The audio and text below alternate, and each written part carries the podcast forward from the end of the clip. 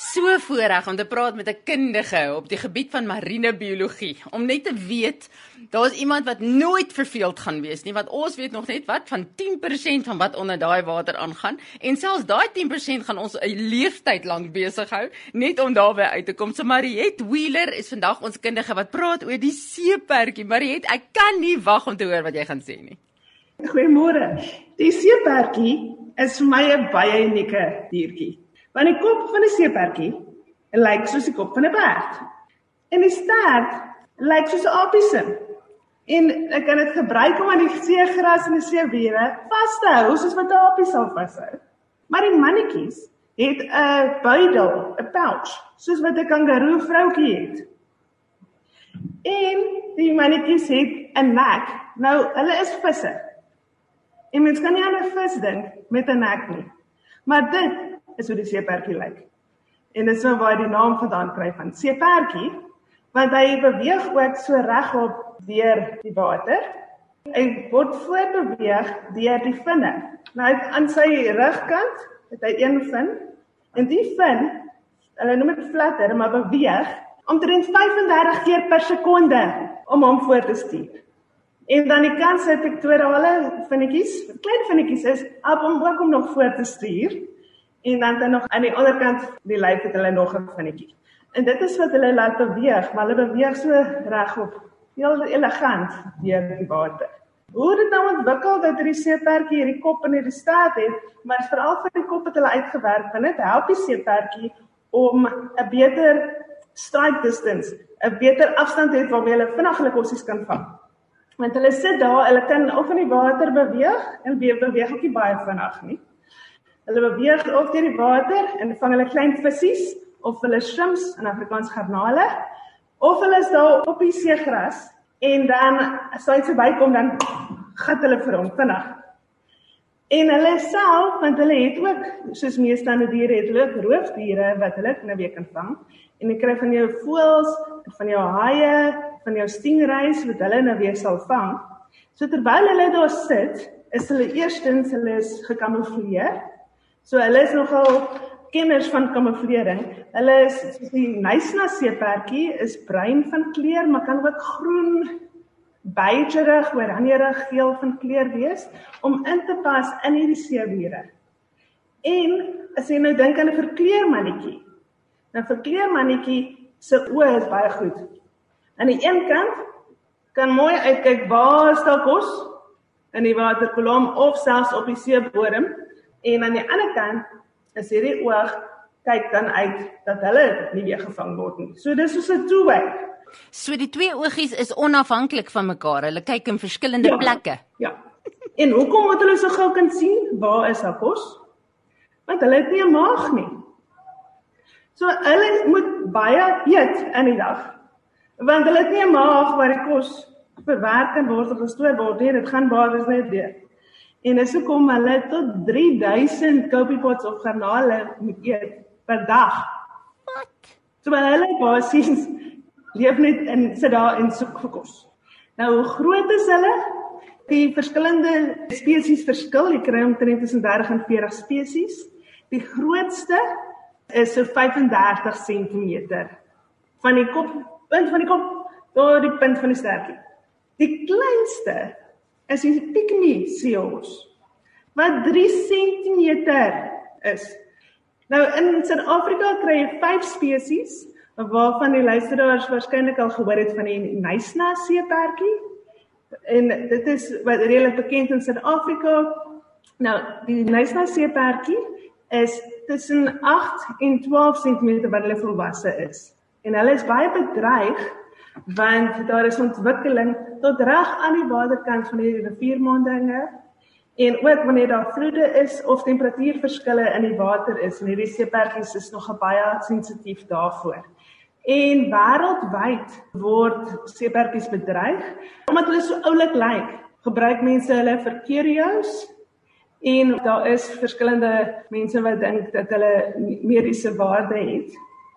Die Nysna seepertjie is die eerste ene wat deur die International Union for the Conservation of Nature, IUCN, status gegee word dat hulle beskerm word. Dis wêreldwyd want ons is een van ons Suid-Afrikaanse spesies. Wat beteken dat hulle nie gevang mag word in die natuur of hulle mag nie versteur word vir al hulle broeiareas nie.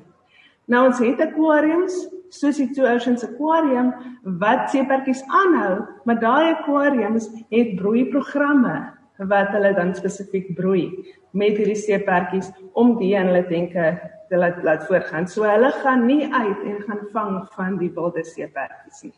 Gepraat van die broei van seepertjies, ons gesê hulle is visse, so hulle lê eiertjies. Maar dames luister nou hier. Die mannetjie seepertjie is die een wat soos ons sal noem swanger raak, wat dragtig word. Lekker. Die vroutjies na 'n paar hulle is eintlik heel romanties want hulle hou daarvan om met daai sterkies wat ons gepraat het as 'n paartjie saam te swem en dan het hulle tot 8 ure wat hulle basies 'n mating dans, 'n paar dans hê.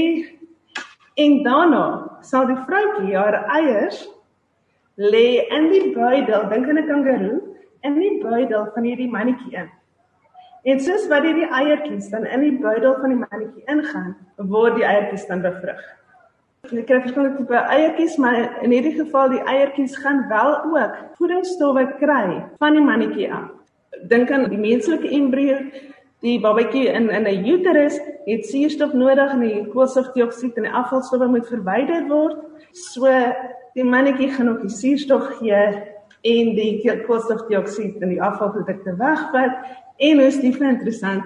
Daar word tot stowwe afgeskei wat help vir immuniteit van hierdie embrio's wat hulle kan teen patogene wat hulle kan siek maak beskerm.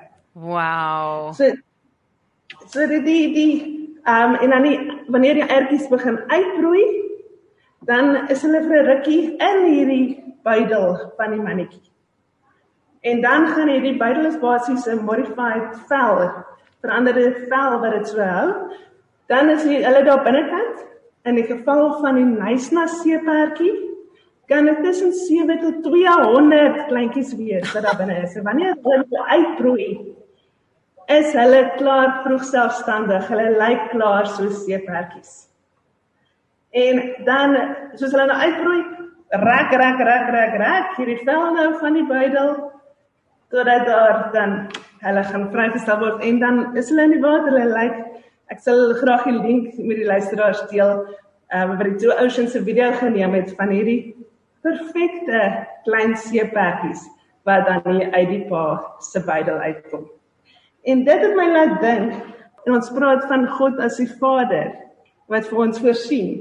En 2 Korintiërs 6 vers 18 sê en ek sal vir julle Vader wees en julle sal vir my seuns en dogters wees, sê die Here, die Almagtige.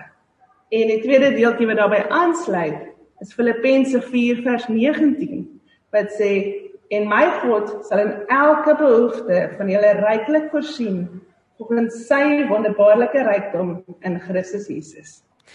Kan ek net bysit daar, wat 'n pypdiertjie. Wat 'n pypseediertjie, my adeland, maar sy oogies dui definitief vir my op ons het een manier van kyk en ons het 'n sekere lot inligting tot ons beskikking gebaseer op dit wat ons sien in al die maniere wat mense mos nou kan sien. Maar ons dien 'n God wat vir ons wys, dit wat jy sien is een deel, maar hy sien alles hy sien soveel meer as wat ons sien, né? So daai oogies vir my is so direkte God wat vir jou wys dat hy is regtig meer ingelig as ons. Hy kan sien wat ons nie kan sien nie. En ek hou van hierdie hierdie dinge wat hy nie magie het nie. Ek wil nou dink jy by jouself, ons kyk na goed en jy dink dat ons weet wat goed nodig het, wat die lewe nodig het, wat optimale funksionering nou sal maak werk. En dan kom die Here en sê, "Nee, jy gaan nie 'n maag hê nie, maar ek het ander stelsels wat jy in plek het wat werk wat presies geskape is net vir jou. Jy het nie die maag nodig wat langs die kant kyk en kyk en besluit jy dit nodig. Jy het dit nie nodig nie. God weet presies wat hy doen al vat hy 3000 shrimpies 'n dag om jou gevoer te kry. is dit nog steeds moontlik? En die mannetjie wat swanger is, regtig nou. Dis 'n sin vir hom daai. Die Here het geweet ons vrouens gaan elke keer lekker kry. As ons besef die ou mannetjie moet so swaar dra en ek moet sê innige simpatie 2000 babytjies op een slag. Sjoe, nou maar toe, volgende keer as jy daai oulike oulike seeperdjie sien, moet nie die ding gaan koop gedroog in 'n winkel nie, sies. Gaan sien hom lewendig en dan waardeer jy volgende keer en jy Romeine 21 om sommer self.